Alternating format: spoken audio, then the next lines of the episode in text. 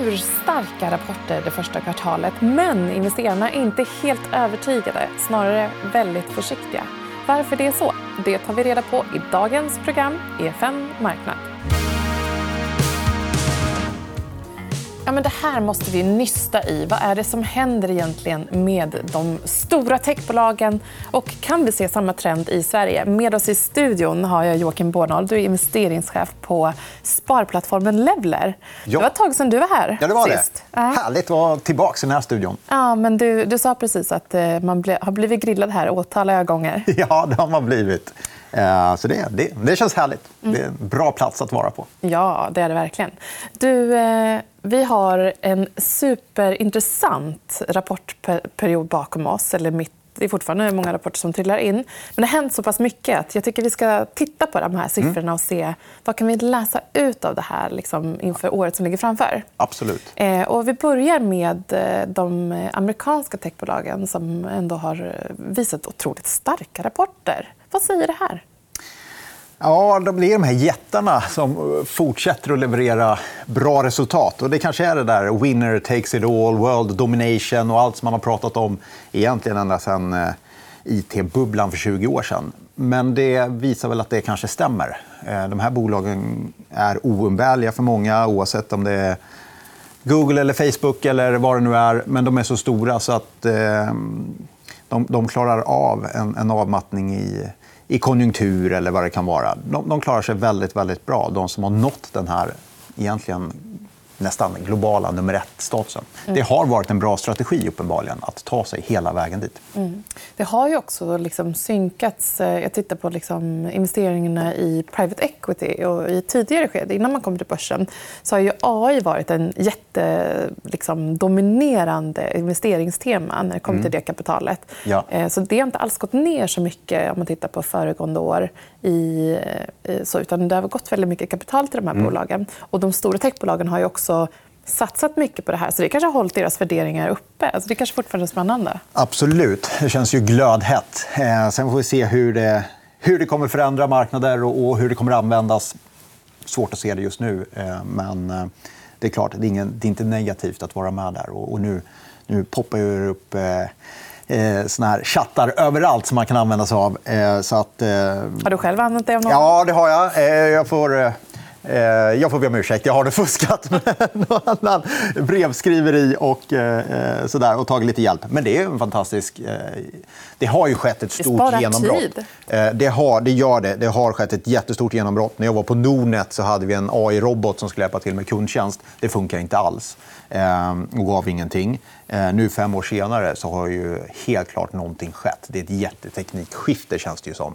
Där man nu, vem som helst, till och med jag, kan använda de här till, till någonting vettigt. Så att det förändrar och många av de här stora eh, eh, amerikanska bolagen verkar vara väldigt väl positionerade där. Mm. Så att, eh, ja. Men det är samtidigt det är väldigt intressant. för Vi är mitt uppe i liksom, är det recessionstider eller går det fortfarande ganska bra. Rapporterna från de här bland, bolagen då, bland annat visar att det har gått bra.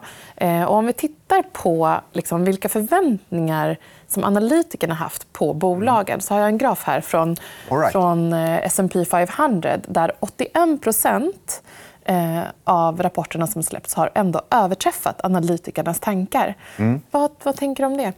Ja, det är den där eh, fantastiska eh, paradoxen att det är ju så att i snitt så, så slår ju bolagen eh, analytikernas förväntningar.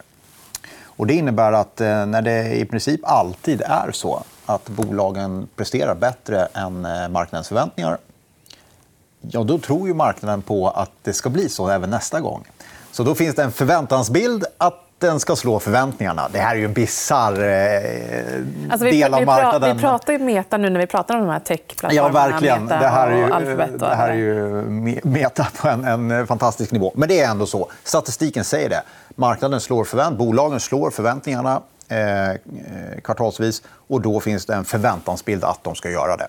Eh, så är det. Och det gör ju också att kursreaktionerna blir kanske inte så stora när man eh, Nej, men slår sina det. förväntningar. Ja. Mm. Och, och sen, eh, om man då tittar på, på den grafen igen här som vi hade uppe så visar det också att det är historiskt låga positiva reaktioner från investerare om man tittar på de senaste två åren. Mm. Där vi ändå har haft en liksom, ganska medioker syn på omvärlden, i alla Mm. fall det sista året. Eh, Men däremot också att man har kanske nästan bättre möjlighet att tjäna pengar på rapporter som, eh, där det går sämre än vad man förväntat sig. Ja, så, det, det, så kan man ju tolka den här grafen. då att Den som eh, är väldigt kortsiktig och och spekulerar i bolagens resultat får bättre betalt om man spekulerar och hittar de bolagen som inte klår förväntningarna. För där kommer det större kursrörelser. Så eh, ja, ska du betta på upp eller nedgång eh, så ska du hitta bolag som eh, inte slår förväntningen för du får bättre betalt. Men om vi då tittar, vi kommer lite närmare, vi tittar på den europeiska marknaden. Samma där egentligen. Där har var det motsvarande siffra 70 Alltså eh, ändå positiva rapporter. Ja. Eh, analytikerna är lite bäsiga. Eh, men det har inte hänt jättemycket positivt även här. Ja, men det är ändå ganska tydligt att marknaden är ganska försiktig och orolig för vad som kommer framåt. Eh, Malta, Rapporter i all ära är ändå bara historik. Eh, Det visar vad som har hänt. Men det är tydligt så att ekonomin bromsar inte in alls i den takt som man skulle kunna tro. Om någon hade sagt till dig eller mig eller egentligen någon annan eh, som, som pysslar med att försöka fundera på hur marknaden ska ta vägen så hade man nog sagt att det skulle bli betydligt större kursrörelser om vi hade fått en så snabb räntehöjning som vi har haft nu sista året. Eh, ekonomin är uppenbarligen väldigt, väldigt stark och lyckas stå emot. Eh, och Mm. Men på det visar ju de här rapporterna. På samma sätt som man säger att inflationen tar tid att faktiskt eh, liksom bemästra eller hålla koll på. Ja. Att det på samma sätt tar tid också att eh, få ner eh, kurs eller handel och affärer. Att vi gör affärer. kan ju vara så, absolut. Och Det är väl det man är orolig för nu då, att resten av året kommer bli betydligt svagare. Eh, å andra sidan, aj, ganska snabbt så kanske det börjar se bättre ut då igen. Eh, 24-25. Och då, då, då kan man ta den här värderingen som aktiemarknaden har. Och då kommer vi inte se ett stort fall som många har flaggat för. Det har varit många pessimister där ute som har sagt att aktiemarknaden ska ner. Men det är långt ifrån säkert. Och vad driver det? då? Ja, Jämför man till exempel med finanskrisen då uteblev ju väldigt mycket investeringar i ekonomin. Och där är vi nog inte nu. Tvärtom kanske. att eh, det investeras och behöver investeras väldigt mycket både från offentlig sektor men också privat i nya fabriker och, och så vidare. ser vi minst, inte minst i Sverige. Där det är ett helt annat investeringsklimat i just eh, fabriker, eh, tillverkning och allt. Industri, eh, industrialisering 2.0 eller det finns mycket här ord för det där. Men jag kan konstatera att det, det händer här och nu. Och det, det, det kommer ju hjälpa de svenska, inte minst industribolagen, eh, framåt. Mm. Ja, men vi ska strax också gå in på de här eh, svenska industribolagen. Mm. Men jag är också nyfiken på, för att vi har inte sett samma liksom, starka rapporter hos de svenska techbolagen. kanske. Eller vad, vad är dina tankar om dem? Nej, det är väl eh, tuffare där förstås. Och har ju inte den... Eh, ska man vara helt ärlig, kollar man på uppgången i, i USA så är det ju de stora drakarna som, som har lett väldigt mycket av, av uppgången. Eh, och det är ju så, det är inte så många svenska techbolag som har world domination eh, och är nummer ett i världen. Kanske Spotify då eh, eh, lyckas med det. Eh, men eh, eh betydligt tuffare eh, för techbolagen. Men också eh, kanske många gånger en, ett betydligt tuffare finansieringsklimat. Eh, sen finns det några som sticker ut som faktiskt har en bra positionering i en lokal marknad och är nummer ett. kanske. Jag har något exempel där. Ja, men nu, Storytel eh, är ju en sån som har varit väldigt duktiga på det. De vänder till vinst också i kvartal fyra. Det har varit ett krav nästan på bolagen nu att tillväxtbolag som Ja. har gjort stora förluster men växer snabbt måste nu ställa om till Ja. vinst. Ett techbolag som eh, har varit extremt duktiga på det eh, ja, det är ju Avanza. Det är bolaget som jag själv eh, har gett mig in på att jaga. Så att, eh, Avanza har varit extremt duktiga på att hitta en lokal marknadsposition som verkligen är nummer ett. Det finns nästan ingen nummer två där. Eh, och, och Storytel det... kommer också med en rapport här idag när det här programmet släpps. Så vi får se hur, hur, det, hur de, Mm. Ja, om de fortsätter på Ja. den inslagna banan. Yes. Eh, en annan bransch, en liksom överraskning i börsvimlet det är ju faktiskt byggbranschens, ett av byggbranschens bolag, NCC Mm. eh, som eh, hade ett bra kvartal. Ja, riktigt bra. Ja. Eh, en- Vad händer en, där? eh, Är inte byggbranschen de som drabbas först? Jo, ja, där kommer nog in i de här investeringarna. Jag tror att många kanske stirrar sig blint på, på bostadssektorn när man tänker på bygg. Eh, och den bromsar ju in rejält. Och där är det ju jättesvettigt. Eh, småhustillverkare säger upp folk och så vidare. Men NCC som är mer åt eh, infrastruktur och hjälper till med, med att bygga fastigheter för offentlig verksamhet eller industriverksamhet. Nej, där verkar det gå fortsatt eh, väldigt bra och håller emot. Och mycket pekar väl på att det det kan fortsätta göra det också. Så att NCC ja, det är en liten favorit. faktiskt. Ja, analytikerna hade förväntat sig en förlust, men de gjorde 152 miljoner mm. kronor i rörelseresultat. Första. Så riktigt bra där. Vi har en graf eh, som visar också den kursen. Eh, för det är också så att, som du säger, att man, man funderar. Byggbranschen, fastighetsbranschen. Och där har vi till exempel färska siffror från eh, Bloomberg som visar att Blackstones fastighetsfond, investerarna vill ut till maxgränsen varje ja. månad och har gjort det i sex månader nu. Mm. Vad tänker du där? Nej, det är klart att fastighetsbranschen av alla branscher den som drabbas absolut hårdast av den här ränteförändringen. Och den har gått så otroligt fort. Ehm, det är jättesvårt att anpassa sig till det. Eh, men fastighetsmarknaden tvinga, eller fastighetsbolagen tvingas till det. Men investerarna tvingas till det också. Och det är nästan alltid mer turbulens eh, kring fastighetsaktier än kring fastighetsbolag, om man ska vara ärlig. Eh, och så känns det väl som det är nu också. Men det är ganska naturligt. Spelplanen förändras ju helt och hållet för, för fastigheter. Och det ska väl vara turbulent där. kommer säkert vara det en bra tid framåt också. Alltså, vi har ju en historik i Sverige, i vår socialistiska historik. Att vi, ja. vi har liksom skapat jobb. När det var tuffare ekonomiska tider så har vi liksom tagit fram... Eh, offentlig sektor har skapat väldigt mycket arbeten. Mm. Eh, är det så att det kanske kan vara en möjlighet? Jag vet att NCC släppte en rapport nu eh, om hur de kan bidra och vad vi behöver göra för att accelerera och säkra energi liksom, ja. för att bygga ut eh, i samhället. Just det. Eh, ja, eh, det kan det ju vara. Och, eh, är det låtsasjobb då som skapas? Nej, vi måste göra det helt enkelt också. Det, det är många sidor av den offentliga eh, sektorn som behöver rustas upp. Eh, och NCC kommer förstås vara en stor del i det. Eh, men, men eh, det är väl ett utmärkt läge att göra det nu då, om det blir lite lugnare. Mm. Eh, då kan ju staten faktiskt eh, göra det. Men nu har vi ju inte en, en socialdemokratisk regering, eh, så det, det, kanske inte blir så. Men jag tror att det vore ett väldigt bra tillfälle att göra det. Sverige måste rustas upp. Det är inte bara el, det är väldigt många andra saker som vi behöver ta tag i.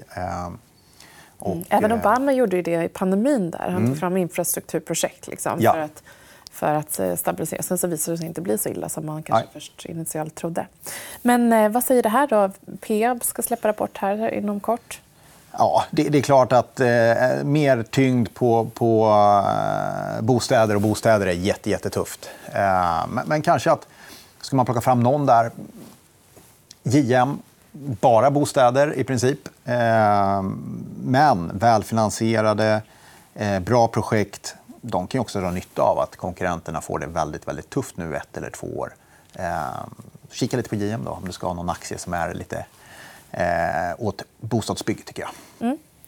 Eh, om vi tittar på svensk industri då, så har vi också en bild här som vi lägger upp som visar på vilka förväntningar som fanns på resultatet och hur det överträffades i siffror i försäljning. Och sen också hur kursen har reagerat. Vad, vad tänker du när du ser de här siffrorna? Vi har ju några aktier på A där som har gått väldigt bra. Ja. A-aktier, eller? Eh, precis, A-aktier. Det finns väl också några som eh, kanske har vaknat till liv lite från de döda. Eh, I alla fall eh, ABB var länge lite av en zombie som tappat sin glans men är på väg tillbaka och känns som att de ligger den här gången väldigt, väldigt rätt. när mycket ska byggas upp i Europa igen. Eh, elektrifieringen, eh, ja, automatiseringen. Där borde de kunna ta lite affär. Så, ja, och det har ju aktiemarknaden börjat eh, eh tro på också att ABB kan göra. Och, eh, nej, men det finns några stora där ute. ABB, Schneider Electric i Frankrike, Siemens i Tyskland. Men de är inte så många. Det är några jättar som krigar om det här. Men det känns som att deras paj. Eh, man behöver inte ta marknadsandelar från de andra för pajen blir bra mycket större de närmaste åren. Så att ABB förstår jag. Eh, Alfa Laval ja, det är ju ett bolag som alla säger alltid är för dyrt. Eh, och, jag är väl en av dem som har varit i, den fällan och tyckt att Alfa Laval värderas väldigt, väldigt högt. Men de levererar ju och fortsätter göra det och har en marknadsmodell som verkar funka fortsatt väldigt bra. så det och det, är, det är kul att se. Det är viktigt för Sverige att de här bolagen går bra. Ja, ja. Men exakt, verkligen. man glömmer bort det lite grann. Eh, och det tror jag att Eh, industribolagen, ja, det har varit väldigt, eh, det har inte varit det hetaste eh, sista tio åren eh, utan varit fokus på väldigt mycket annat. Men eh, de närmsta tio åren som kommer så tror jag att eh, många kommer att börja jobba i de här bolagen. Många kommer att eh, vilja vara aktieägare i dem också. Mm. Även Atlas Copco hade ju en jättefin rapport. Eh, och eh, aktien reagerade ju på det. Ja, och det var, förlåt, det var Atlas Copco jag tänkte på. Eh, Alfa Laval, lite liknande i och för sig. Eh, men Atlas Copco brukar alltid anses vara väldigt dyrt. Ja, de går bra. Det här är ju jättar. Eh, och eh, inte bara på börsen, utan också i den verkliga världen. Det är väldigt många anställda och det är väldigt många bolag eh, som levererar till de här bolagen. Så det är superviktigt att de går bra. Jag tänker också att en del av dem kanske kan tjäna pengar på att den ryska liksom, marknaden är stängd och inte kan leverera gruvutrustning eller... Ja, men vet, eh. Ja, samtidigt som man gärna levererat dit då, eh, förstås, eh, till den ryska gruvindustrin. Men eh, de verkar klara det ganska bra. Och, och du har väl helt rätt. Det innebär att eh, stängs den dörren, och den dörren känns ju som att den blir allt mer stängd. Om den nu dörr kan vara mer eller mindre stängd. Men det känns som att den ryska marknaden allt mer eh, får en allt längre tid innan vi kommer tillbaka. Eh, om den någonsin kommer tillbaka. Så att det gör ju också att vi måste satsa i Europa. Vi måste öppna upp nya gruvor, eh, inte minst i Sverige. Så att, eh, det innebär också att det är många gruvor som ska moderniseras, öppnas upp. Eh, och, eh, där har både Sandvik och Atlas enormt bra möjligheter. Mm. Eh, vi har ju också Boliden som inte alls har hängt med i svängarna. Eh, de eh, tjänade ju bra på liksom eh, höga råvarupriser förra året. Just det. Vad säger vi om dem nu? Boliden gör nog allt de kan och gör mycket bra. Men just priserna kan de inte göra så mycket åt. Det är världsmarknadspriser och de får helt enkelt bara anpassa sig efter dem. Och, och ett bolag som lever i den världen de kan egentligen bara fokusera på effektivitet och kostnader och se till att vara så duktig som möjligt. Eh, och, och, då kommer man tjäna pengar. Och Boliden gör väldigt mycket bra. Men just eh, världsmarknadspriserna på metaller det, det kan de ju inte styra förstås. Eh, mm. Men räddas väl lite då av att eh, kronan är svag. Mm. Men du säger ändå Atlas och eh, Alfa Laval dyra. Är de inte lite väl dyra? Ja, det kan man ju tycka. Säger tio år framåt här. Eh, kanske nej. kan vara intressant. Nej, men jag tror det. Och jag tror det är därför det hålls uppe. är ju att eh, jag tror många eh, tror på ett svagt 2023, kanske 2024, men att det sen vänder och att det kanske vänder ganska kraftigt. Eh, och sen ser det ju, ska vi vara helt ärliga, det är många som i ganska många kvartal sagt nu att nu kommer det bli dåligare tider, det kommer bli sämre. Eh, men det blir ju inte det varje kvartal som går. Sex, sju kvartal så har folk sagt att eh, eh, nej men nu blir det dåligt. Nu, nu, nu ska vi ner i en lågkonjunktur, men den kommer inte. Mm. Eh, och, och eh, någonstans så, så kanske man får acceptera också att eh, de här industribolagen de, de kommer fortsätta att gå bra. Det kan kanske vara så och då, då avskräcker inte den värderingen. Mm. Du, tack så jättemycket för att du var med i EFN Marknad. Och vi tar med oss det. Nu I nästa program så får du även insikt i hur du kan eh, diversifiera dig och eh, hantera risken i din portfölj. Så missa inte det. Du har lyssnat på EFN Marknad, en podd som produceras av EFN Ekonomikanalen. Du hittar programmet även i videoformat på Youtube och på efn.se. Kom ihåg att prenumerera på podden och följ oss gärna på Instagram för fler aktietips. Där heter vi EFN Aktiekoll. Ansvarig utgivare är Anna Fagerström.